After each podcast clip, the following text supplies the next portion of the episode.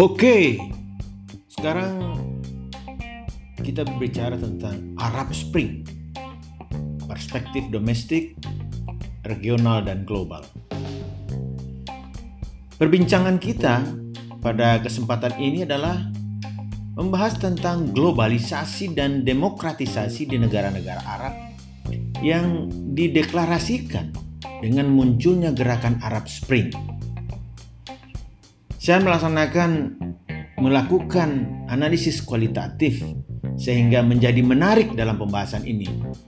Karena kita dapat mengamati dimensi domestik, regional dan global yang berpengaruh langsung ke dalam pergerakan Arab Spring ini. Pengamatan saya bahwa demokratisasi di negara-negara Arab adalah merupakan sebuah fenomena menarik yang mampu menembus jantung pertahanan kehidupan oligarki, aristokratisasi dan monarkisme di negara-negara Arab tanpa batas. Nah, fenomena ini melibatkan non-state dan state actor yang bergerak bergelombang dari individu sampai dengan kumpulan masyarakat sipil yang haus akan perubahan terhadap isu-isu global. Di sisi lain, saya juga dapat melihat bahwa penetrasi terhadap demokrasi di negara-negara Arab adalah sebuah jalan yang sulit dan panjang. Kenapa? Karena state actor yang terwakili oleh elit-elit politik sangat tidak demokratis dan bahkan dengan sekuat tenaga menghalangi kekuatan oposisi untuk meraih kekuasaan.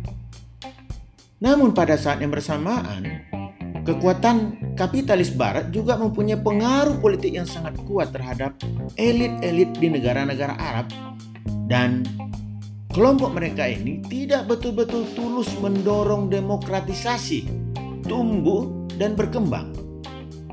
Sedangkan kelompok pro-demokrasi dan umumnya berasal dari kekuatan politik Islam hanya menggunakan media dan teknologi informasi dan mencoba untuk mendriver demokratisasi sistem dan mempengaruhi politik demokrasi di negara-negara Arab. Mereka ini mempunyai keyakinan terhadap pembaharuan dan perubahan melalui demokrasi adalah sebuah jalan yang harus diperjuangkan demi masa depan negara-negara Arab itu sendiri.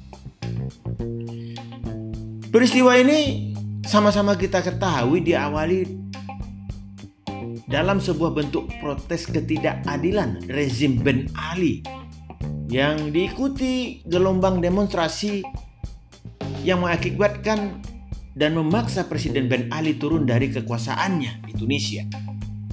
Dan inilah awal atau titik awal Arab Spring. Penyebaran informasi melalui media dan media informasi mendorong tuntutan perubahan rezim yang disebabkan oleh Muhammad Bouzizi, seorang pemuda yang hanya berdagang kaki lima, membakar dirinya. Nah, kesempatan ini diunggah atau diunduh melalui media informasi dan menjadi sebuah kekuatan anti pemerintah yang meluas ke negara-negara Arab lainnya. Kita lihat Presiden Libya Muammar Gaddafi jatuh dan terbunuh. Kemudian meletus civil war di negara ini. Maroko merespon tuntutan publik dengan melakukan pemilu multi partai pada 27 November 2011. Hal yang sama juga dilakukan oleh Aljazair dan Yordania. Sementara itu, negara-negara kaya seperti Arab Saudi, Uni Emirat Arab, Oman tetap bertahan dengan pendekatan welfare state atau pendekatan kesejahteraan. Mereka mencoba mengakomodir perubahan tuntutan politik melalui welfare state ini.